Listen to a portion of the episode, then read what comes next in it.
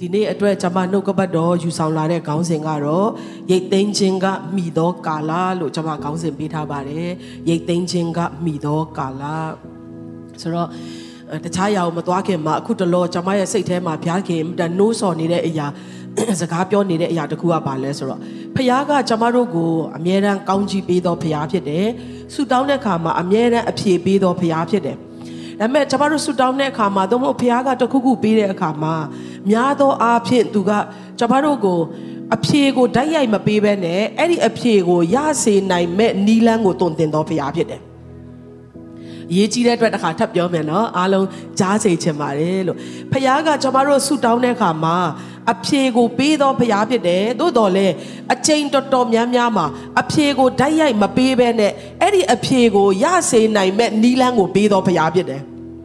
အာမင်ဆိုတော့ကျမ်းစာထဲမှာတစ်ချက်လောက်ကြည့်မယ်ဆိုလို့ရှိရင်ပေတရုကိုနော်ယင်နဲ့ရာအရက်ကိုရွှေ့ခိုင်းတယ်ပိုက်ကုံကိုချခိုင်းတယ် ငါးတွေရောဟေးဒီမှာအုံဖွားဆိုပြီးတော့မပေးဘဲနဲ့နော်ရေနဲ့ရအရက်ကိုရွှေ့ပါပိုက်ကုံကိုချပါလို့ပြောတဲ့ခါမှာလေနှစင်းနစ်လူမတက်ငါးတွေကိုရတယ်မောရှေကိုနော်မေရဲ့တောင်ဝေးကိုမြောက်လိုက်တယ်ဆိုရင်တော့ပင်လယ်နီကနှစ်ချမ်းကွဲသွားမယ်လူတွေကခြောက်သွေ့သောမြေပေါ်မှာလမ်းလျှောက်နိုင်မယ်လို့ပြောတယ်ဘုရားကကြည်နေတော့ငါလှုပ်ပြမယ်ဟူ ဝါဆိုပြီးတော့နော်တခါတည်းအုံဖွားဆိုပြီးမလှုပ်ဘူးမောရှေရဲ့ဘာမှမဟုတ်တဲ့တောင်ဝေးလေးကိုယုံကြည်ခြင်းနဲ့ဘုရားစကားနားထောင်ပြီးမြောက်ခိုင်းတဲ့အခါမှာပင်လယ်နီကနှစ်ချမ်းကွဲသွားတယ်ဘိုးချုပ်နေမှန်အနာရောဂါငြိမ်းဖို့ဘုရားမလုံနိုင်ဘူးလားလုံနိုင်တာပေါ့ဒါပေမဲ့ဘာဖြစ်လဲဂျော်ဒန်မြစ်ထဲမှာဘယ်နှကြိမ်လဲခုနှစ်ကြိမ်ရေနစ်ခိုင်းတယ်နော်ရေထဲမှာငုံလိုက်ပြန်ထားလိုက်ငါးခါမပြောက်သေးဘူး၆ခါ ခုနှစ်ခါမြောက်တဲ့အချိန်မှာတော့သူ့ရဲ့နူနေသောအသားရည်သည်သူငယ်ရဲ့အသားကဲ့သို့အောပွေရဘုရားခင်ကပေးပြောက်တယ်ဆိုတော့နော်ဘုရားကအဖြေပေးတဲ့အခါမှာအဖြေကိုပဲပေးတဲ့ဘုရားမဟုတ်ပဲနဲ့အဲ့ဒီအဖြေကိုဖြစ်စေမဲ့နီးလန်းကိုတင့်ကိုပေးတော်ဘုရားဖြစ်တယ်ဟာလေလုယာဣသေလလူမျိုးတွေအေဂုတ်တုတိုင်းပြည်ကနေကိုရောကခေါ်ထုတ်ပြီးတော့ သူများမိသားစုတွေကတာဦးသေးလို့တရင်ဆန်တာဦးသေးလို့ငိုကြွေးနေတဲ့ချိန်မှာသူတို့လွတ်မြောက်ဖို့ရအတွက်ဘာလုပ်ခိုင်းလဲဆိုတော့ပတ်တခါသိုးတငယ်ကိုတတ်ခိုင်းတယ်အသွေးကိုတကားပေါင်မှာတုတ်လိမ့်ခိုင်းတယ်ဇကားနားထောင်သောမိသားစုတိုင်းကစီရင်ချင်းကနေလွတ်မြောက်တာဖြစ်တယ်သင်ရဲ့အတွေးခေါ်ကိုနော်ဝိညာဉ်တော်ကနှုတ်ကပတ်တော်အားဖြင့်စတင်ပြီးတော့ပြုစုနေပြီဖြစ်တယ်ဒီနိုင်ဝက်လောက်သောအချိန်လေးထဲမှာတစ်နှစ်စာအတွက်လုံလောက်သောကောင်းကြီးတစ်သက်စာအတွက်လုံလောက်သောကောင်းကြီးရှိပါတယ်ဟာလေလုယာ ဒါကြောင့်ယုံကြည်ခြင်းနဲ့အမြဲတမ်းခံယူစေခြင်းနဲ့ယောရှုတို့ကယေရီခေါမြို့ကိုသိမ်းပိုက်ဖို့အတွက်ဖြစ်တဲ့ခါမှာဖခင်ကငါလှုပ်လိုက်မယ်မင်းတို့တခါတည်းတန်းပြီးတော့ဝင်လို့ရအောင်လို့မပြောဘဲနဲ့တရက်ကိုတခါစကားလုံးဝမပြောဘဲနဲ့ပတ်ပါတဲ့တခါပတ်တယ်ဒုတိယရက်တတိယရက် နောက်ဆုံး6ရက်မြောက်နေ့ပြီးတဲ့ခါမှာ9ရက်နေ့မှာတော့9ကြိမ်ပတ်ရမယ်ပြီးတဲ့ခါမှာကြွေးကြော်ရမယ်လို့ဖခင်ကနီးလန်းကိုပြီးတဲ့ခါမှာဖခင်ရဲ့လမ်းစဉ်ကိုလိုက်တော့ယောရှုနဲ့သူ့ရဲ့အဖွဲ့တွေကမြင်းရထားနှစ်စီးပြိုင်မောင်းလို့ရတဲ့မြို့ရိုးမြို့တိုင်းကြီးကိုတူတချောင်းနဲ့တော့မှထုเสียမလို့ပဲနဲ့အကုန်အစင်ပြိုပြက်ပြီးမှမြို့ကိုသိမ်းပိုက်ရတော့ခွင့်ရတယ်ဖခင်ကတင့်ကိုလမ်းပြတော့ဖခင်စကားပြောတော့ဖခင်ဖြစ်တယ်ဟာလေလုယာ ကျမတို့ကတော့တခါတည်းအုံဖွားအနာရောဂါပြောက်အာအုံဖွားတိုက်ကြီးတစ်လုံးရောက်လာဖြစ်စေခြင်းနဲ့နော်မဖြစ်လာတဲ့ခါမှာဖះကိုယ်တော်စိတ်တိုကြတယ်ကျမ်းစာထဲမှာကျွန်မကြည့်တဲ့ခါမှာဖះက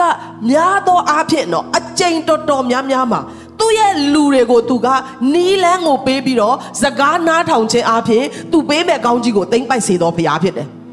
ဒါကြောင့်2023ခုနှစ်မှာကျွန်မတို့ကစကားနားထောင်ခြင်းနဲ့ကောင်းကြီးသိမ့်ပိုက်ရမယ်နှစ်ဖြစ်တယ်ဟာလေလုယာ ဟာလေလုယာယုံကြည်သူတယောက်ရဲ့အသက်တာဟာယုံကြည်ပါတယ်လို့ဘုရားကျောင်းထဲမှာထိုင်ပြောနေယုံနဲ့မပြည့်စုံသေးဘူးယုံကြည်သောအရာကိုလက်တွေ့ကျင့်ဆောင်ခြင်းအပြင်ဘုရားရဲ့စကားကိုနားထောင်ခြင်းအပြင်ကျွန်တော်တို့ကတက်သေးပြတဲ့အခါမှာနမိတ်လက္ခဏာကတင်တဲ့ကျွန်ုပ်အတွက်ဖြစ်လာတယ်ဟာလေလုယာမုတ်ဆိုးမတယောက်ကယောက်ျားသေးပြီးသွားတော့သားနှစ်ယောက်နဲ့အကျွေးတွေနဲ့ယောက်ျားကထားခဲ့တဲ့အခါမှာ သူ့ရဲ့အကျွေးအတွက်ဆိုပြီးတော့လူတွေကတခုပြီးတခုသူ့ပစ္စည်းတွေကိုလာသိမ်းတာနောက်ဆုံးသူ့ရဲ့သားနှစ်ယောက်ကိုသိမ်းဖို့ပဲကြံတော့တယ်ဒီသားနှစ်ယောက်ကိုသူအယမ်းချစ်တဲ့ခါမှာထဲ့မပေးနိုင်တဲ့အတွက်ဖခင်ရဲ့လူစီကိုသွားတဲ့ခါမှာဖခင်ကဘာပြောလဲအာငါအကျွေးတွေဆက်ပေးလိုက်မယ်မပြောဘူးနော်ဘုရားခင်ကဟာဟိုမှာတွင်းတူးလိုက်အဲ့ထဲကနေရွှေတွေငွေတွေထွက်လာလိမ့်မယ်မပြောဘူးတယောက်ယောက်စီမှာသွားချီးလိုက်အတိုးမပါရင်ပြီးရောဘောလို့ဖခင်မပြောဘူးဖခင်ရဲ့လူအားဖြင့်ဖခင်ကသူ့ကိုဘာပြောလဲတင့်အအိမ်မှာဘာရှိလဲတဲ့ ဘာမှမရှိဘူးမဟုတ်ဘူးရှိတာတခုခုရှိလိမ့်မယ်အိုးစီအိုးလေးတေးသေးလေးတော့ကြံသေးတယ်တဲ့ဟုတ်ပြီဒါဆိုရင်ဒီအိမ်ကိုပြန်ပါအိမ်နီနာချင်းတွေမှာအိုးအလွတ်တွေရသလောက်အကုန်လုံးငားပါပြီးပြီဆိုရင်နေ့ရက်သားနှစ်ယောက်ကိုခေါ်ပြီးတော့အိမ်ထဲကိုဝင်တကားကိုပိတ်ပြီးတဲ့ခါမှာအဲ့ဒီအိုးအလွတ်တွေထဲမှာမင်းမရှိတဲ့အနှဲငယ်သောစီကိုလောင်းပါတဲ့ဖះကအုံဖွဖះမဟုတ်ဘူးနော်နားလည်နိုင်ဖို့ဖះကောင်းကြည့်ပေးပါစေ။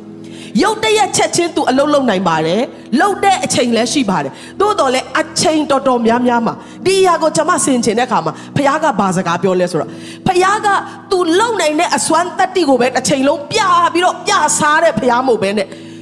တင်းဆူတောင်းခြင်းရဲ့အဖြေကိုတင့်အထဲကနေထွက်စေတော်ဖခင်ဖြစ်တယ်ဟာလေလုယာတင်းဆူတောင်းခြင်းရဲ့အဖြေဟာတင်းကိုယ်တိုင်ဖြစ်တယ်တင်းပြဿနာရဲ့အဖြေဟာတင်းကိုယ်တိုင်ဖြစ်တယ်ဟာလေလုယာနားလည်နိုင်ဖို့ဖခင်ကောင်းကြီးပေးပါစေ။ ဒါနဲ့သူကအိမ်ကိုပြန်တယ်မယုံတဝက်ယုံတဝက်ဖြစ်ဖြစ်မှာပေါ့နော်ငါလိုမုတ်ဆိုးမှဘာမှမရှိတော့တာဟိုနေ့ကငါစပွဲလာသူများလာထမ်းသွားပြီးအကျွေးနဲ့တိမ်သွားပြီလူတွေမြင်တာပဲငါအိုးသွားငါရင်ဘသူကပေးမှလဲစိုးရင်စိတ်ရှိကောင်းရှိလိမ့်မယ်ဒါပေမဲ့သူကဖျားစကားကိုနားထောင်ဖို့ဆုံးဖြတ်ပြီးတော့သူသားနှစ်ယောက်နဲ့အတူအိုးတွေကိုလိုက်ငားတယ်အော်ဆရာကောင်းတာဖျားစကားနားထောင်တဲ့အခါမှာအရာအားလုံးကတညီတညွတ်တည်းပြုစုတယ်တချို့တွေကဒီမုတ်ဆိုးမှငါအိုးငါပြီးရောင်းစားမလို့တင်တယ် စဉ်းစားကောက်စဉ်းစားမှာပဲဒါပေမဲ့ဖျားစကားနားထောင်တော်သူဖြစ်တဲ့ခါမှာဘာကြောက်ဆိုတာမသိရပေမဲ့လူတွေကအိုးအလွတ်တွေငားကြတယ်အိမ်ထဲကိုဝင်တယ်သားနှစ်ယောက်ကိုခေါ်တယ်တကားကိုပိတ်တယ်စီကိုစပြီးတော့လောင်းတဲ့ခါမှာအော်စရာကောင်းတာကဖျားရဲ့လူကလာလောက်တာလည်းမဟုတ်တော့ဘူးဖျားကကောင်းကင်ကနေပြီးတော့နမိတ်လက္ခဏာနဲ့အိမ်ခေါင်မိုးဖောက်ပြီးသွန်းချတာလည်းမဟုတ်တော့ဘူးယုံကြည်ခြင်းနဲ့လှုပ်ဆောင်တဲ့သူ့ရဲ့လက်ထဲမှာရှိတဲ့စီအိုးဟာမကုံတော့ဘူးဟာလေလုယာ ဖြည့်တယ်ဖြည့်တယ်ဖြည့်တယ်တစ်လုံးပြီးတစ်လုံးတစ်လုံးပြီးတစ်လုံးဖြည့်တယ်နောက်ဆုံးအိုးလို့ကုံသွားတဲ့အချိန်ကျမှစီကရက်တန်တယ်အဲ့ဒီလိုဝက်ချက်အဲ့ဒီဖះပြောတဲ့စကားဖွင့်ပြချက်ကလေးကိုအိမ်ကိုအပြန်ယူသွားစေခြင်းနဲ့နော်တင်းရဲ့ဆူတောင်းခြင်းအားလုံးရဲ့အဖြေဟာတင်းရဲ့အแทမှာရှိတာဖြစ်တယ်ဖ ယားကတင့်ကိုတခုခုစကားပြောလာပြီဆိုရင်လက်တွေ့ကြကြမကြကြခံစားချက်မှာကောင်းကောင်းမကောင်းကောင်းလိုက်လှုပ်တော့တက်တာနာခံတော့တက်တာကတော့နမိတ်လက္ခဏာကိုရတော်သူဖြစ်တယ်ဟာလေလုယာလက်ကုပ်တီးလက်ဖယားကိုချီးမွမ်းကြရအောင်ကျမတို့ကတော့เนาะတခုခုကိုလှုပ်တတ်တယ်သူများမလှုပ်တတ်ဘူးဆိုရင်ကိုကိုဆရာတင်စေခြင်းတယ်ဆရာစားချမ်းတယ်ကိုလှုပ်တတ်တာပဲပြပြီးတော့เนาะလူတွေကကိုကိုအထင်ကြီးတာကိုလိုချင်တယ်ဖယားကတော့အဲ့လိုမဟုတ်ဘူးသူတတ်စွမ်းနိုင်တော်လဲ သူကအုံဖွမပြောနဲ့နော်မျက်စိတမိတ်လက်တစ်ဘက်အတွင်းမှာအရာအားလုံးကိုဖန်ဆင်းနိုင်သောပြောင်းလဲနိုင်သောဖရားဖြစ်တော်လဲယုံကြည်ပြီးနာခံသောသင်နဲ့အတူအလုံးလုံးလို့သောဖရားဖြစ်တယ်။ဒါကြောင့်သင်ရဲ့ဆုတောင်းခြင်းအဖြစ်ဖရားစီမှာတောင်းတဲ့ခါမှာဖရားကသင်ကိုအဲ့ဒီအဖြေကိုရနိုင်ဖို့နီလန်းတင်ပေးတဲ့အခါမှာစိတ်မပြတ်ပါနဲ့ဝမ်းမြောက်စွာနဲ့လှုပ်ဆောင်ဖို့ရန်အတွက်ဖြစ်တယ် ဆိုတော့ဒီနေ့ကျမတို့ဒီလအတွက်ဖျားပေးတဲ့ခေါင်းစဉ်ကမျိုးစစ်စိုက်ပျိုးခြင်းကိုတိုးမြင့်၍တာ၍ကြီးမားသောရိတ်သိမ်းခြင်းကိုရရှိသောလဖြစ်တယ်လို့ဘုရားကပြောတယ်။စိုက်ပျိုးခြင်းဆိုတဲ့အတန်ကိုကျမတို့ကြားပြီဆိုတာနဲ့လူတွေကတိတ်ပြီးတော့ခံစားချက်မကောင်းတတ်ဘူးနော်။ဟာငါပေးရပြန်အောင်မယ်ထင်တယ်နော်။ငါစီကနေရောတော့မယ်ထင်တယ်။ငါကတော့နော်ရှိတာလေးတွေအကုန်လုံးကိုတင်ထားပြီးတော့လုံလုံခြုံခြုံထားချင်တာဖခင်ကတော့ no ဆော်ပြန်ပြီလို့ကျွန်မတို့ထင်တယ် တကယ်တော့စိုက်ပျိုးခြင်းဆိုတဲ့အရာကဖန်ဆင်းတာကဖခင်ဖြစ်တယ်တီထွင်တာကဖခင်ဖြစ်တယ်အဲ့ဒီစိုက်ပျိုးခြင်းနဲ့ရိတ်သိမ်းခြင်းနိယာမဟာတင်တဲ့ကျွန်ုပ်တိုးပွားဖို့အတွက်ကဘာဦးအစကလေးကဘုရားခင်ပြင်ဆင်ထားသောနိယာမဖြစ်ပါတယ်ဟာလေလုယာစိုက်ပျိုးခြင်းမရှိဘူးဆိုရင်တိုးပွားခြင်းမရှိဘူးဆိုတာဒီလောကမှာကျွန်တော်တို့ဘယ်သူမှညင်းလို့မရတော့အရာဖြစ်ပါတယ်။ကျမ်းစာလေးတစ်ပိုက်ဖတ်ချင်တယ်နော်။ကဘာဦးကျမ်းခန်းကြီး1အခန်းငယ်26မှာ ဖျားသခင်ကလည်းကြည့်ရှုလောမြေတပြင်လုံး၌စပားတီးကို ဖြစ်စေသောစပားပင်အမျိုးမျိုးတို့ကို၎င်းမျိုးစေ့ကိုဖြစ်စေသောအသီးနှင့်ပြည့်စုံသောတစ်ပင်အမျိုးမျိုးတို့ကို၎င်းသင်တို့စားစရာဖို့ငါပေးပြီတဲ့နော်ဒါကဘုရားရဲ့နိယာမဖြစ်တယ်စပားကိုဖြစ်စေတဲ့စပားပင်နော်မျိုးစေ့ကိုဖြစ်စေသောအသီးနဲ့ပြည့်စုံသောတစ်ပင်အမျိုးမျိုးကိုဘုရားခင်ကဖန်ဆင်းတယ်တနည်းအားဖြင့် တစ်ပင်ရှိမယ်အသီးသီးလာမယ်အဲ့ဒီအသီးထဲမှာအဲ့ဒီလိုမျိုးတစ်ပင်နောက်ထပ်တစ်ပင်များစွာကိုဖြစ်စေနိုင်သောမျိုးစေ့ကပါလာတယ်ထပ်ဆိုင်တယ်ဆိုရင်တော့ထပ်ပြီးတော့ပွားတယ်နော်ဆိုတော့ဖခင်ကစဖန်ဆင်းလောကကိုစဖန်ဆင်းကြတဲ့ကတရက်ပင်အပင်ဘယ်နှသိန်းနော်အာတခါလဲပိန်းတဲ့ပင်အပင်ဘယ်နှတန်းဆိုပြီးတော့တခါတဲ့ကဘာပေါ်မှာရှိမဲ့တစ်ပင်ပေါင်းများစွာကိုတပြိုင်နက်တည်းသူကပေါက်စေတာမဟုတ်ဘူး ကဘာပေါ်မှာလူတန်းပေါင်း90တခါလဲပြည့်စေဖះမဖန်ဆင်းမှုနော်အာဒံနဲ့အေဝနှစ်ယောက်ကကဘာကိုပြည့်စေဖို့လုံလောက်ခဲ့တာဖြစ်တယ်ဘာလို့လဲအထဲမှာမျိုးစေ့ပါတယ်လေအရာခတ်တဲ့သူဖန်ဆင်းသမျှအရာအားလုံးက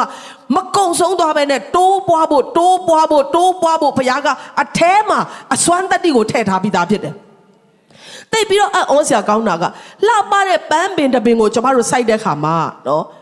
ဥပမာကျမတို့မေမျိုးတို့ဘာတို့မှာဆိုရင်ဒီတစ္ဆာပန်းတို့ဘာလို့ဆိုဥနဲ့စိုက်ရတယ်နော်ကြည့်လိုက်လို့ရှိရင်အဲ့ဒီဥကနော်ပိန်းဘာလဲအာပိန်းဥလိုလိုကစုံဥလိုလိုကြည့်လိုက်ရင်တက်မလှပဘူးဒါပေမဲ့အဲ့ဒီအแทမှာဘာအပင်ပေါက်လာမယ်ဘာအယောင်အပွင့်ပွင့်မယ်အရွက်ကဘလို့အယောင်ရှိမယ် size ကဘလောက်ရှိမယ်အနံ့ကဘလို့အနံ့ထွက်မယ်ဆိုတာဒီအဲ့ဒီဥထဲမှာပါပြီးသားဖြစ်တယ်အဲအောစရာမကောင်းဘူးလားနော် တရက်ပင်စိုက်တဲ့ခါမှာဘာတရက်လဲကျွန်တော်တို့မေးရတယ်နော်ကိုကြိုက်တဲ့တရက်ပင်အမျိုးအစားရဖို့ရန်အတွက်မှန်ကန်သောမျိုးစေ့ကိုစိုက်ရတယ်အဲ့ဒီမျိုးစေ့တေးသေးလေးထဲမှာအပင်အတွက်ရောအရွက်အတွက်ရောအယောင်အတွက်ရောအနံ့အတွက်ရောအရတာအတွက်ရောအကုန်လုံးဖះကထည့်ထားတာနားလည်နိုင်ဖို့ဖះကောင်းကြီးပေးပါစေမျိုးစေ့ထဲမှာအကုန်ပါပြီးသားနော်အပင်ပေါက်လာမှတီထွင်လို့ရတာမဟုတ်ဘူး အရွက်ရှည်မလားနော်အရွက်တိုတိုလေးသေးသေးလေးလားအရွက်ကအစိမ်းရောင်လားအပွင့်ကခရမ်းရောင်လားအနံ့ကဘာနံ့လဲလူဆိုရင်လေနော်ထို့တူပါပဲလူဒီလဲမျိုးစေ့ကနေပဲဖြစ်ပွားတာပါနော်နဖူးပြောင်ပြောင်မွေးလာမလားအရက်ပုပုလားအရက်ရှည်ရှည်လားအသားဖြူဖြူလားနော်မျက်လုံးပြူးပြူးလားမျက်လုံးမေးမေးလားသပင်ထူထူလားသပင်ပါပါလားအကုန်လုံးကလေတင်ကြီးလာမှနော်အခုတော့ဟို နီးပညာတွေခက်စားလာတယ်ဆိုတော့သပင်စိုက်တာတွေမျက်တောင်ဝဲစိုက်တာတွေနော်အာဟိုဟာလောက်တာတွေအကုန်လုံးပေါ်လာပေမဲ့လို့မျိုးစေ့ကတင့်ထဲမှာအကုန်လုံးရှိပြီးသားကြီးလာတဲ့ခါမှာဒီတယောက်ကဘိုက်ရွှဲလာမယ်နော်တော့မရှင် तू ကသူ့အမေလိုပဲပိန်ပိန်ရှည်ရှည်လေးနော်သူ့အဖေလိုပဲနော်တခါတည်းနဖူးပြောင်ပြောင်နော်စသဖြင့်ဘာကိုကြည့်ရလဲသူ့ရဲ့မျိုးစေ့အတိုင်းတစ်ချိန်မှထင်ရှားလာတာပဲ ဆိုတော့ဖခင်ရဲ့ဖန်ဆင်းခြင်းကတိတ်ပြီးတော့အံ့ဩစရာကောင်းတယ်။ပွားများဖို့ဘာအားဖြင့်လဲမျိုးစေ့အားဖြင့်ပွားများဖို့ပွားများဖို့ကဖခင်ရဲ့နိယာမဖြစ်တယ်။ဒါကြောင့်မျိုးစေ့လို့ပြောလိုက်တာနဲ့စိုက်ရမယ်လို့ပြောလိုက်တာနဲ့ဆုံးရှုံးချေးလို့မြင်စေတာကစာတန်ဖြစ်တယ်နော်။စာတန်ရဲ့လှည့်ဖျားခြင်းဖြစ်တယ်။တကယ်တော့စိုက်ပျိုးခြင်းတိုင်းရဲ့နောက်ွယ်မှာတိုးပွားခြင်းရှိတယ်ရိတ်သိမ်းခြင်းရှိတယ်ဆိုတော့နားလည်တယ်ဆိုရင်စိုက်ခွင့်ရတာကကျမတို့အတွက်ကောင်းကြီးဖြစ်တယ်ဟာလေလုယာဟာလေလုယာ ဒါကြောင့်နှစ်သက်မှာအထူးသဖြင့်ကျမကိုယ်တိုင်မှစာရွေအရောက်စီတိုင်းကိုစိန်ခေါ်ခြင်းတယ်တင်ပါရိတ်မလဲဆိုတာကိုအရင်ဆုံးနော်တိတ်တိတ်ပြီးတော့အလုံးမရှုံနဲ့နော်ဟာဘယ်တော့ရိတ်ရမလဲမသိဘူးဘယ်တော့စားရမလဲမသိဘူးဆိုတာတဲ့ငါဘာမျိုးစေ့တွေကိုစိုက်တယ်လဲနော်တင်စားခြင်းနဲ့မျိုးစေ့ကိုပဲစိုက်ပါဟာလေလုယာတင်ရိတ်ခြင်းနဲ့ကောင်းကြီးကိုပဲစိုက်ပျိုးတော်သူဖြစ်ဖို့ဘုရားကောင်းကြီးပေးပါစေတည့်ရဲ့သားသမီးတွေထဲမှာမှန်ကန်သောမျိုးစေ့ကိုစိုက်တယ်ဆိုရင် သူတို့ဒီကြီးလာတဲ့အခါမှာအဲ့ဒီလမ်းကနေမလွဲဘဲနဲ့ရှောက်သွားမယ်လို့ဘုရားကပြောထားတယ်ဟာလေလုယာဒါကြောင့်သင်ကတစ်ချိန်လုံးကြိမ်ဆဲခြင်းမျိုးစေ့ကိုသားသမီးတွေထဲမှာစိုက်နေသလားနော်အမင်္ဂလာစကားတွေကိုပဲပြောပြီးတော့သားသမီးတွေအထဲမှာမကောင်းသောမျိုးစေ့တွေကိုစိုက်နေသလားသို့မဟုတ်နှုတ်ကပတ်တော်မျိုးစေ့ကိုစိုက်သလားမေတ္တာမျိုးစေ့ကိုစိုက်သလားအချိန်တန်တဲ့အခါမှာရိတ်သိမ်းခြင်းကကွဲပြားသွားမှာဖြစ်တယ် ဒါကြောင့်ဘာရိတ်တလဲဆိုတာဘယ်အချိန်မှာရိတ်တလဲဆိုတာအရန်စိတ်မပူနဲ့ဖခင်ကအချိန်တိုင်ရိတ်ကိုရိတ်ခိုင်းမှာဖြစ်တယ်ဘာစိုက်တလဲဆိုတာပဲကျွန်တော်တို့အလုရှုပ်ဖို့လိုအပ်တယ်ဟာလေလုယာကျမတို့အထူးပြုရမှာကသင်ဆိုင်သောမျိုးစေ့ဖြစ်တယ်။ရိတ်သိမ်းခြင်းကတော့ဖရားဘက်ကလုံးဝတာဝန်ကျေပါတယ်။ယေရှုပြည့်အနားမှာရှိတယ်လို့ပြောပေးပါဦး။ဘာဆိုင်တယ်လဲဆိုတာအရင်ရေးကြည့်တယ်လို့ပြောရအောင်။ တစ်ပင်ကနေနော်တရက်ပင်ကနေတရက်ပင်ဖြစ်တယ်နော်တရက်စီကိုစိုက်ရင်ပိန်နဲ့တီးမျောလို့မရဘူးနော်။ဒါကြောင့်ကျမတို့ကကြိမ်ဆဲခြင်းကိုစိုက်ပြီးတော့မေတ္တာကိုရိတ်သိမ်းခြင်းလို့မရဘူး။သားသမီးတွေတက်တခါမှတော့စုမတောင်းပေးပဲနဲ့ကြီးလာတဲ့ခါမှာလိန်မာပြီးလမ်းမှန်ကိုရှောက်ဖို့မျောလင့်နေဆိုရင်တော့ဖခင်ကတင့်ကိုအရင်ရိုက်မှာဖြစ်တယ်နော်သားသမီးတွေကိုရှောက်မရိုက်နဲ့အောင်ဖခင်ကတင့်ကိုအရင်ရိုက်မှာဖြစ်တယ် ဒါကြောင့်ကျမတို့ကဘာမျိုးစေးဆိုင်တယ်လဲနော်မျိုးစေးလို့ပြောတဲ့အခါမှာငွေတစ်ခုပဲလူတွေကအလွယ်တကူမြင်ကြတယ်ဒါကမြင်တာတော့အရာလည်းဖြစ်တယ်တိုင်းတာလို့အလွယ်ကူဆုံးသောအရာလည်းဖြစ်တယ်ဒါပေမဲ့ကျမတို့မျိုးစေးဟာငွေကြေးတစ်ခုတည်းမဟုတ်ဘူးဆိုတာကိုယနေ့နားလည်စေချင်တယ်ခွင်းလွတ်ခြင်းမျိုးစေ့ကိုစိုက်ပါမေတ္တာမျိုးစေ့ကိုစိုက်ပါဟာလေလုယာနှုတ်ကပတ်တော်မျိုးစေ့ကိုစိုက်ပါအပင်ပေါက်ကိုပေါက်မှာဖြစ်တယ်တိုးပွားကိုတိုးပွားမှာဖြစ်တယ် အသီးနော်ချစ်ချင်းမြတ်တာဒီအသီးဖြစ်တယ်ခွင့်လွတ်ခြင်းတွေအသီးဖြစ်တယ်နော်အဲ့ဒီအသီးထဲမှာပါတဲ့မျိုးစေ့ကိုကိုကမမျိုးချပဲနဲ့အမြဲတမ်းစိုက်ပျိုးတော်သူဖြစ်တယ်ဆိုရင်တော့သင်ရိပ်ရမယ့်အရာတွေကဝမ်းမြောက်စရာအရန်ကောင်းမှာဖြစ်တယ်တင်းရဲ့ဥယျင်ထဲမှာလှပသောအပင်တွေပဲပေါက်ပြီးတော့လှပသောကောင်းသောအရာတွေကိုပဲရိတ်သိမ်းရသောတက်တာဖြစ်ဖို့ဖျားရှင်ကောင်းကြီးပေးပါစေမျိုးစေ့ကစိုက်ဖို့အရေးကြီးတာဖြစ်တယ်เนาะကျွန်တော်တို့စပားတွေပါတွေရိတ်တယ်ဆိုရင်အဲ့ဒီစပားစီကို တောင်းထဲမှာထည့်ထားပြီးတော့ဟိုအိမ်ခေါင်မိုးပေါ်မှာတစ်ချိန်လုံးထားတယ်ဆိုရင် तू က तू အပင်မပေါက်ဘူးနော်အပင်ပေါက်လို့ရမယ့်နေရာမှာစိုက်ပျိုးရတာဖြစ်တယ်သင်မဆိုင်လို့မပေါက်တဲ့အရာတွေအများကြီးရှိတယ်နော်အခုစပြီးတော့စဉ်းစားရအောင်ဟာလေလုယာသင်ဘာမျိုးစေ့တွေကိုဒီတိုင်းပဲထားတယ်လေမဆိုင်ပဲနဲ့တနေရာမှာဖွက်ထားတယ်ဆိုရင်တော့တင်းတောင်းတတောင်းကတတောင်းပဲအများနဲ့ရှိနေမှာဖြစ်တယ်စိုက်တယ်ဆိုရင်တော့တိုးပွားခြင်းနေရာမှာအတိုင်းဘုရားကစတင်ပြီးတော့အလုံးလုံးတော့မှာဖြစ်တယ်အာမင် ဟာလေလုယာတချို့ကြတော့မျိုးစေ့ကိုမသိမ်းထားဘူးစားပစ်လိုက်တာနော်အစီပါမျိုးချပစ်လိုက်တာနော်ထပ်ဆိုင်ဖို့အတွက်မစင်စားတော့တဲ့ခါမှာတင်းရဲ့လဲကွက်တချို့လူတွေရဲ့လဲကွက်နော်မြင်တတ်မယ်ဆိုလို့ရှိရင်ဟောင်းလောင်းကြီးဖြစ်နေပြီပေါက်သမျှအကုန်လုံးစားနော်အစီရောအသားရောအကုန်လုံးမျိုးချနော်ဘယ်တော့မှမခွဲထားမခွဲထားပဲနဲ့ဘယ်တော့မှထပ်မဆိုင်တော့တဲ့ခါမှာကျမတို့လဲကွက်တွေကဟောင်းလောင်းဖြစ်ပြီးတော့အ ကောင်းသောအပင်တွေပေါက်ရမယ့်အစားမကောင်းသောမြက်ပင်တွေမကောင်းသောခြုံပုတ်တွေနဲ့ပြည့်နေတတ်တယ်။ဒါကြောင့်ကျမတို့စိုက်ရမယ့်မျိုးစေ့တွေကိုတတိထားတတ်ဖို့ကောင်းမွန်စွာစိုက်ပျိုးတတ်သောတက်တာဖြစ်ဖို့သင်ကိုဖျားရှင်ကောင်းကြီးပေးပါစေ။နှစ်ကောခန်းကြီးကိုအခန်းငယ်37မျိုးစေ့ကျဲသောသူအားမျိုးစေ့ကို၎င်းတဲ့အစာအာဟာရကို၎င်းပေးတော်မူသောသူသည်သင်တို့အားမျိုးစေ့ကိုပေး၍ပွားများစေတော်မူမည်။ ပွားများခြင်းတော့ကျွန်တော်တို့ကအရန်ကြိုက်တယ်ဒါပေမဲ့ဖခင်ကဘာအားဖြင့်ပွားများစေမှာလဲဆိုတာကိုစိတ်ဝင်စားတော့သူဖြစ်ဖို့လိုအပ်ပါတယ်မျိုးစေ့ကိုပေး၍ပွားများစေမယ်တဲ့ဟာလေလုယာတင့်ထဲမှာဖခင်ထည့်ထားတဲ့မျိုးစေ့ရှိတယ်အချိန်တန်တဲ့ခါမှာစိုက်ပျိုးတဲ့ခါမှာအဲ့ဒါတွေကအပင်ပေါက်လာတာဖြစ်တယ်အသီးသီးလာတာဖြစ်တယ်ဒါကြောင့်ကျမ်းစာကနော်မျိုးစေ့ကျဲသောသူကိုမျိုးစေ့ကိုပေးတယ်တဲ့ For God is the one who provides seed for the farmer နော်အင်္ဂလိပ်ကျမ်းစာထဲမှာ farmer ဆိုတာကဝါသနာပါလို့တစ်ခါလောက်စိုက်တဲ့လူမဟုတ်ဘဲနဲ့အမြဲတမ်းစိုက်ပျိုးခြင်းနဲ့အသက်မွေးတော်သူ hallelujah တစ်ချိန်လုံးစိုက်နေတာစိုက်ပျိုးခြင်းကသူ့ရဲ့ lifestyle ဖြစ်နေတာနော်လဲသမားလို့ခေါ်လိုက်တာနဲ့သူဒီဝါသနာပါလို့တစ်နှစ်တစ်ခါသို့မဟုတ်10နှစ်တစ်ခါနော်အပင်တစ်ပင်လောက်စိုက်တာကိုလဲသမားလို့မခေါ်ပါဘူး စိုက်ပျိုးတော်သူနော်အမြဲတမ်းမျိုးစေ့ကိုကျဲတတ်တော်သူဒီနေ့အမကိုနားလေတော်သူဖြစ်တယ်ဆိုတော့သေချာတယ်ဖခင်ကစိုက်စရာမျိုးစေ့ကို၎င်းအစာအာဟာရကို၎င်းပေးမယ်တဲ့သင်တို့အားမျိုးစေ့ကိုပေး၍ပွားများစေမယ်ပွားများခြင်းကိုလိုချင်တဲ့လူတိုင်းကမျိုးစေ့ကိုဂယူးဆိုင်ဖို့မျိုးစေ့ကိုကောင်းမွန်စွာစိုက်ပျိုးတတ်သောတတ်တာဖြစ်ဖို့လိုအပ်ပါတယ် သင်တို့၏ဖြောင်းမှတ်ခြင်းကိုလည်းကြွယ်ဝစေတော်မူမည်ထို့သောသင်တို့သည်စေတနာစိတ်နှင့်အမျိုးမျိုးသောစွန့်ကြဲပေးကမ်းခြင်းအလိုငါအရာရာ၌ကြွယ်ဝခြင်းရှိသည်ဖြစ်၍ငါတို့အားဖြင့်ဘုရားခင်ကျေးဇူးတော်ကိုချီးမွမ်းစရာအကြောင်းရှိလိမ့်မည်ကျမတို့ကစိုက်ပျိုးခြင်းနဲ့ရိတ်သိမ်းခြင်းနေရာမှာကိုနားလည်ပြီးတော့လယ်သမားတစ်ယောက်ကဲ့သို့အဆက်မပြတ်စိုက်ပျိုးအဆက်မပြတ်ရိတ်သိမ်းတိုးပွားเนาะအများကြီးကျမတို့ကဟို တအိုင်စဉ်းစားစရာမလိုတော့လောက်အောင်စိုက်ပျိုးနိုင်တဲ့အသက်တာကျွယ်ဝသောအသက်တာရှိလာတဲ့အခါမှာကျမတို့အားဖြင့်ဘုရားရဲ့ကျေးဇူးတော်ကိုလူတွေကချီးမွမ်းစရာအကြောင်းရှိလာလိမ့်မယ်ငါအရင်တိုးပွားနေပြီငါအရင်ကောင်းစားနေပြီအာထားစရာနေရာမရှိတော့အောင်ငါကဟိုတအားကိုချမ်းသာနေပြီလို့ကျွန်တော်တို့ဝါကြွားဖို့အတွက်ဘုရားကတိုးပွားခိုင်းတာမဟုတ်ပဲနဲ့တင်းရဲ့တိုးပွားခြင်းအားဖြင့်လူအများကဘုရားကိုချီးမွမ်းဖို့အတွက်ဖြစ်တယ်ဟာလေလုယာ ဟာလေလုယာသင်ကကြက်တဲပြီးတော့လူတွေစီကနေပြီးတော့မျော်လင့်နေရသောသူဖြစ်တယ်ဆိုရင်ယခုချိန်မှာစပြီးတော့ယုံကြည်ပါသင်ဟာခက်ခဲသောသူတွေကိုဝေမျှနိုင်သောတက်တာလိုအပ်နေသောသူတွေရဲ့အသက်တာထဲမှာဝမ်းမြောက်ပြီးတော့ဘုရားကိုချီးမွမ်းဖို့ရန်လုံးကဂျေဇုပြုသောသူဖြစ်နိုင်ဖို့ရန်အတွက်သင်ကိုယ်တိုင်ကလိတ်ပတ်လဲပြီးတော့နော်ကြွယ်ဝနေသောအရာရာ၌ကြွယ်ဝနေသောအသက်တာဖြစ်ဖို့ရန်အတွက်နိယာမတစ်ခုတော့ရှိတယ်ဒါကစိုက်ပျိုးခြင်းနိယာမဖြစ်တယ် ဟာလေလုယာ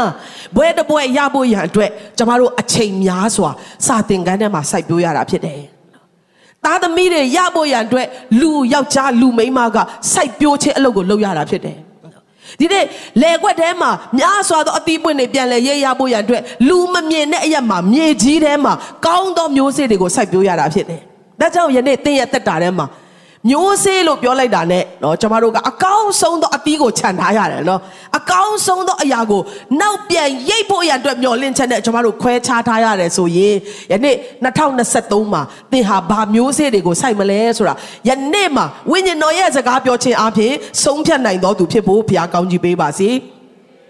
ဘုရားခင်ကိုရော်တိုင်ကသားသမီးအများကြီးကျွန်တော်ကျမတို့ကိုပြန်လဲရရှိဖို့ရန်အတွက်သူ့ရဲ့တပါးဒီသောသားတော်ကိုဆွန့်လွတ်ခဲ့တယ်စိုက်ပျိုးခဲ့တယ် မြေ၌ကြစေခဲ့တယ်ပျက်စီးခြင်းတော့မျိုးစေ့ကဲ့သို့မြေကြီးထဲမှာပျက်စီးရသောအခွင့်ကို तू ကပြုရတယ်ဒါပေမဲ့ပြန်ပေါက်လာတဲ့ခါမှာတော့ तू ဒီဆုံးရှုံးတော်သူမဟုတ်တော့ဘူးတားများစွာကိုပြန်ရတော်သူဖြစ်လာတယ်ဟာလေလုယာဟာလေလုယာဒါကဖခင်ရဲ့နေရာမှာဖြစ်တယ်ပြောင်းလဲပြစ်လို့မရဘူးကျွန်မစဉ်းစားမိတယ်ဆရာကြီးယူဒတ်တန်နော်မြန်မာပြည်တစ်ခုလုံးမှာရှိတဲ့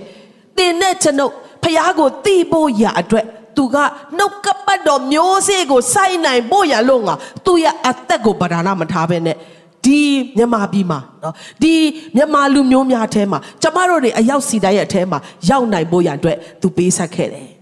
တခါတလေမှာစိုက်ပျိုးရတဲ့အချိန်ဟာခက်ခဲပါတယ်နော်စိုက်ပျိုးရတဲ့အချိန်ကနာကျင်ပါတယ်စိုက်ပျိုးရတဲ့အချိန်မှာကျမတို့ရဲ့မျိုးစေ့ကပျက်စီးသွားပါတယ်နော်အဲ့ထဲမှာရှိနေတဲ့ပတ်စံကကိုယ့်ပတ်စံမဟုတ်တော့ဘူးဖြစ်သွားတယ်နော်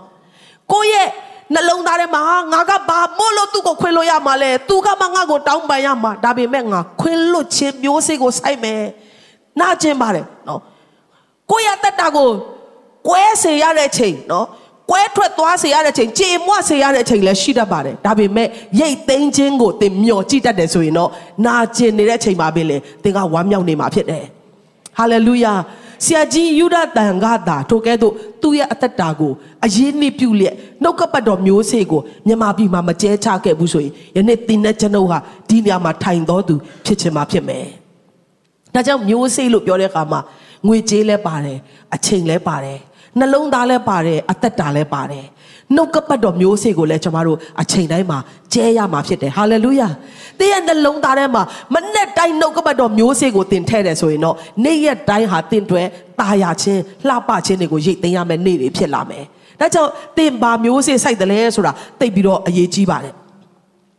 ပန်းဒီပဲစိုက်နော်ခရမ်းကျင်ဒီပဲစိုက်မဟုတ်ဘူးစိုက်လို့ရတဲ့အရာတွေကိုသင်စဉ်းစားပါထို့ကောင်းသောအရာတိုင်းကိုနေ့တိုင်းစိုက်ပါဒါဆိုရင်သင်ကနေ့တိုင်းရိတ်သိမ်းရသောအသက်တာဖြစ်မယ်သင်ရဲ့သားသမီးတွေအသက်တာထဲမှာကောင်းသောမျိုးစေ့ကိုစိုက်ပါကောင်းသောအရာကိုသင်ရိတ်သိမ်းရမှာဖြစ်တယ်သင်ရဲ့နှလုံးသားထဲမှာနှုတ်ကပတ်တော်ကိုစိုက်ပါနှုတ်ကပတ်တော်ရဲ့အသီးပွင့်တွေကိုသင်ကရိတ်သိမ်းရမှာဖြစ်တယ်အချိန်ကိုစိုက်ရင်အချိန်တွေပိုရှန်စွာရတယ်ကျမတို့ စင်ကာပူအသင်းတော်မှာဆိုရင်အိမ်တွေမှာအလုပ်လုပ်တဲ့လူတွေအများများတဲ့ခါကျတော့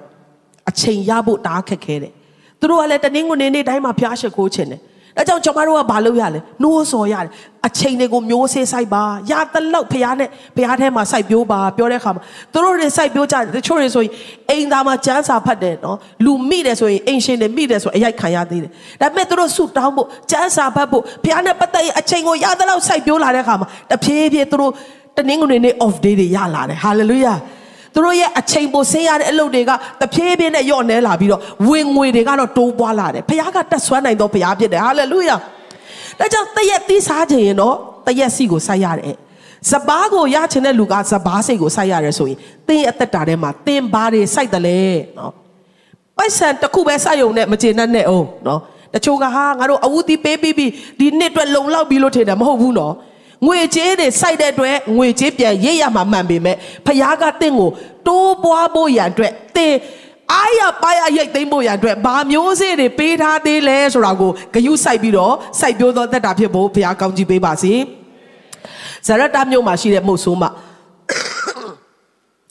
သူ့မှာစားစရာမရှိဘူး ကတ်ဆိုးကြီးရောက်လာတယ်မိုးခေါင်တယ်နော်မိုးမရွာဘူးဆိုတော့ရေတောက်စရာလည်းမရှိဘူးစိုက်ပြိုးတာလည်းဘာမှမဖြစ်ထွန်းတော့ဘူးတအားခက်ခဲတဲ့ကာလမှာဖခင်ရဲ့လူအေလိယကရောက်လာတယ်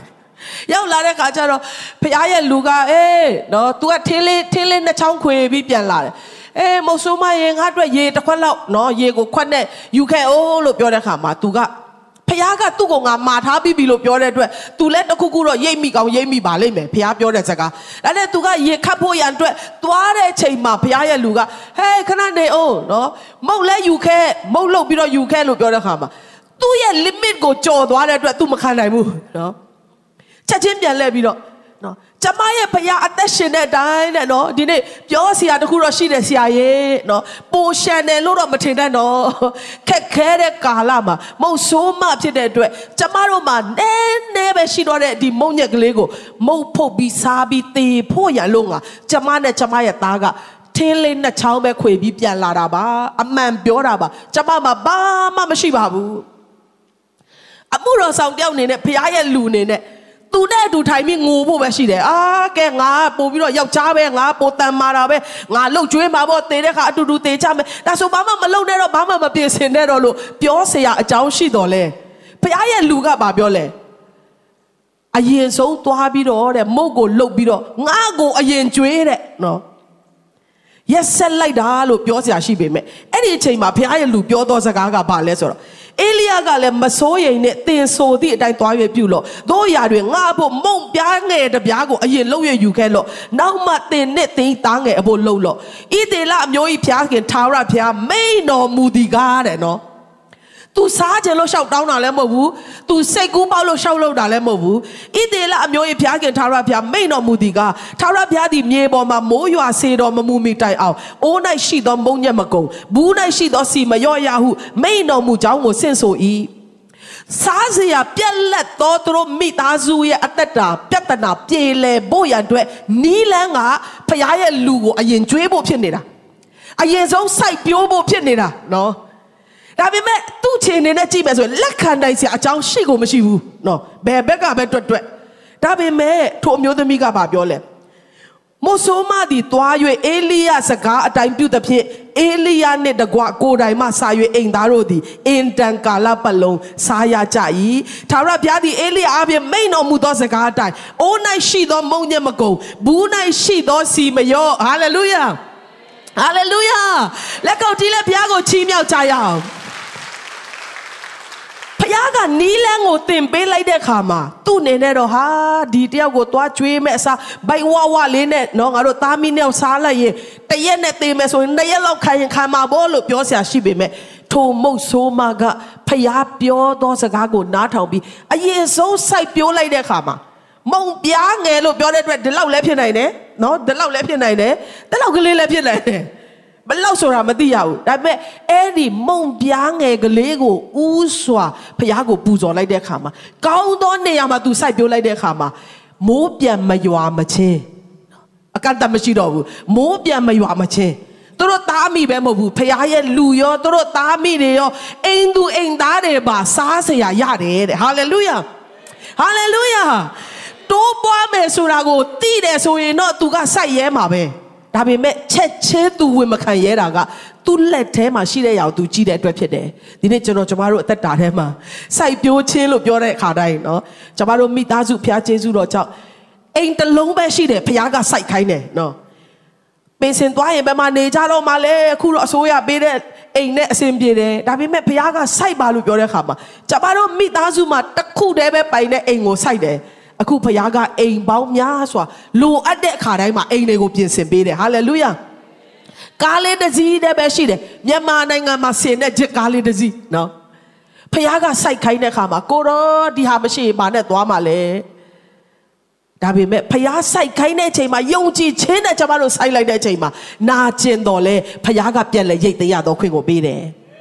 ဟာလေလုယာဟာလေလုယာ ကျွန်တော်တို့မောင်နှမတွေအိမ်ထောင်ကြတယ်အိမ်ထောင်ကွဲပြီဆိုတာနဲ့ဖះကအိမ်လိုတဲ့ခါမှာအိမ်ပေးတယ်ကားလိုတဲ့ခါမှာကားပေးတယ်ကျွန်တော်တို့ယုံကန်နိုင်လို့လို့ပတ်ဆက်ရှာနိုင်လို့လို့မဟုတ်ဘူးစိုက်ပျိုးခဲ့တဲ့အရာရဲ့အတီးပွင့်ဖြစ်တယ်ဟာလေလုယာဒါကြောင့်ဘုရားကစိန်ခေါ်တဲ့ခါတိုင်းမှာကျွန်မဘယ်တော့မှအာကိုတော်ကတော့ငါ့ကိုဆုံးမပြီကိုတော်ကတော့ငါ့ကိုညှင်းဆဲပြီလို့မတွက်ဘူးဘုရားကငါ့ကိုကောင်းချီးပေးတော့မယ်ဟာလေလုယာဟာလေလုယာသင်ရဲ့မျိုးစေ့တွေအရင်ထက်တာ၍တိုးပွားသောနှစ်ဖြစ်ဖို့ဘုရားကောင်းချီးပေးပါစေ အရင်တော့ကအလူငွေတောင်းတဲ့မှာတော့တုံချီတုံချီနဲ့900ပဲအပတ်တိုင်းထည့်နိုင်တယ်ဆိုရင်ယုံကြည်ပါသင်ဟာယခုနှစ်မှာ1000ထည့်နိုင်သောသူဖြစ်ရမယ်။ဘာဖြစ်လို့လဲများများစိုက်သောသူကများများရိတ်သိမ်းရတယ်။များများပြိုးပြီးတော့များများကျဲတဲ့လူကများများရိတ်သိမ်းရတယ်ဟာလေလုယာဟာလေလုယာဒါကဘုရားရဲ့နေရာမှာဖြစ်တယ်မမေ့ဖို့ဘုရားကောင်းချီးပေးပါစေအဲ့ဒီအမျိုးသမီးရဲ့သားလေးကပြင်းစွာသောဝေဒနာခံရပြီးတည်သွားတဲ့အခါမှာအမျိုးသမီးကတအားနာခြင်း ဘုရားသခင်ရဲ့လူဘာကြောင့်ကျမကိုဒီလိုမျိုးဒုက္ခရောက်စေတယ်လဲလို့သူကပြောတဲ့အခါမှာအေလီယာကချက်ချင်းပဲဘုရားကိုကြွေးကြော်တယ်တဲ့ကိုတော့ကျွန်တော်တဲခိုတဲ့ဒီအိမ်မှာဤကဲ့သို့သောအမှုကိစ္စရောက်ဖို့ကိုတော့ဘာကြောင့်ခွင့်ပြုတာလဲယခုပင်ကိုတော့အလုံးလုံးပါဆိုပြီးတော့ကြွေးကြော်တဲ့အခါမှာတည်သွားတဲ့သူ့ရဲ့သားကပြန်ရှင်တယ်စိုက်ပျိုးခြင်းကတိတိလေးပဲစိုက်တာဖြစ်ပေမဲ့နော်မုံပြားငယ်လေးတစ်ပြားကိုစိုက်တာဖြစ်ပေမဲ့သူ့ရဲ့ရိတ်သိမ်းခြင်းကဘာဖြစ်လို့လဲ ကြီးတာသေးတာမဟုတ်တော့ဘူးနဲတာများတာမဟုတ်တော့ဘူးသူ့ရဲ့နောက်ဆုံးစားရမယ့်အစာသူ့အတွက်အကောင်းဆုံးသောအရာလူတွေအတွက်သေးရင်သေးမယ်မုံညက်ကလေးသေးသေးလေးပါမုံပြားလေးသေးသေးလေးပါလို့ပြောရင်ပြောမယ်ဒါပေမဲ့သူ့အတွက်အဲ့ဒါကနောက်ဆုံးစားရမယ့်အစာဖြစ်တဲ့အခါမှာဘုရားခင်ကအယံကိုအတိမပြုတာဖြစ်တယ်ဟာလေလုယာဟာလေလုယာတခါတလေမှာတင်မနဲ့တိုင်း9မိနစ်လောက်ဆုတောင်းဖို့ရန်အတွက်လူတွေအတွက်အချိန်ပိုပေမဲ့တင်အတွက်အရန်ခက်ခဲကောင်းခက်ခဲလိမ့်မယ်ဒါပေမဲ့ ခက်ခဲလေလေတန်ဖိုးကြီးလေလေတင်အတွက်ကောင်းကြီးကကြီးလေလေဖြစ်တယ်ဟာလေလုယာဟာလေလုယာတချို့သောသူတွေအတွက်ကျမ်းစာဖတ်ဖို့ဘာမှမခက်ခဲပေမဲ့တဲ့အတွက်မျက်စိအားနေလို့သို့မဟုတ်တစ်စုံတစ်ခုကြောင့်ကျမ်းစာကိုဖတ်ဖို့အရန်ခက်ခဲကောင်းခက်ခဲလိမ့်မယ်ဒါပေမဲ့တဲ့ရဲ့မျိုးစေ့ကြီးလေလေဘုရားရဲ့ကောင်းကြီးကကြီးလေလေဖြစ်တယ်နောက်ဆုံးအနေနဲ့ဒီနေ့အတွက်ဖျားပေးတဲ့နှုတ်ကပတ်တော်လေးဖတ်ချင်တယ်။အာမုတ်ခန်းကြီးကိုအခန်းငယ်73တခုတည်းကိုပဲဖတ်ပါမယ်။ သာရဘုရားမိန်တော်မူသည်ကလဲထွန်သောသူသည်စပားရိတ်သောသူကို၎င်းစပြစ်သီးနယ်သောသူသည် မျိုးစေ့ကျဲသောသူကို၎င်းမိလျက်တောင်တို့မှချိုသောစပြစ်ရည်ယို၍ကုန်းရှိသမျှတို့လည်းအယေဖြစ်ရသောကာလရောက်လိမ့်မည်။ဟာလေလုယာ။အရင်တော့ကတော့ကျွန်တော်တို့ကစိုက်ပြီးအကြာကြီးစောင်းရတယ်နော်။ပြီးလို့ရှိရင်ကျွန်မခုတလို့ခံစားဖခင်ကလေ ဒီလောကမြင်ရတဲ့အရာတွေအားဖြင့် तू ပြုတ်နိုင်တဲ့အမှုတွေကိုအမြဲတမ်းပေါ်ပြတော့ဖခင်ဖြစ်တယ်နော်အရင်တော့ကကျွန်မတို့တစ်မျိုးနဲ့တစ်မျိုးစာပို့မယ်ဆိုရင်အာစာရေးရတယ်စာအိတ်ထဲကိုထည့်ရတယ်နော်တခါတည်းဇရွေးတွေပိုင်းနဲ့ကတ်နော်ပြီးရင်စာတိုက်ကိုသွားပို့အာတခါတည်း register လုပ်တလားလောက်ကြာမှအဲ့စာကရောက်တယ်နော်အမေတည်သွားပြီဆိုတာသတင်းပို့ဖို့အတွက်အမေကအယိုးတောင်ဆွေးနေပြီးမှစာကမရောက်သေးဘူးနော်အခုခေတ်ကျတော့ဘာဖြစ်လဲဖုန်းလေးထဲမှာ နေတောင်မနေရတဲ့စားထွက်သွားပြီနော်တချို့တွေဆိုအမလေးငါမပိုးရမယ့်ဟာထွက်သွားပြီနော်အရန်လိုက်နေကောင်းလုံးအားကြီးလို့စက္ကန့်ပိုင်းတွင်းမှာထွက်သွားတယ်နော်အရင်တော့ဆိုရင်တရိတ်ဆန်နဲ့မွေးတဲ့ခါမှာနှစ်ချီပြီးတော့ကြီးဖို့စောင်းရတယ်အခုဆိုရင်45ရက်ဆိုရင်အမလေးဝလုံးလို့ထွားလို့လို့နော်မနေတော့စားရတယ်ဆိုတော့လောကမှာဖြစ်ပျက်တဲ့အဖြစ်ပျက်တွေကဖခင်ရဲ့တတ်နိုင်ခြင်းကိုတနည်းတလန်းအဖြစ်ပေါ်ပြတယ်လို့ကျွန်တော်တို့ယုံကြည်တယ်ဆိုရင်ဒီကာလဟာဘုရားသခင်အမြန်နှုံးနဲ့အလုံးလုံးသောကာလဖြစ်တယ်ဟာလေလုယာ ဟာလေလုယာ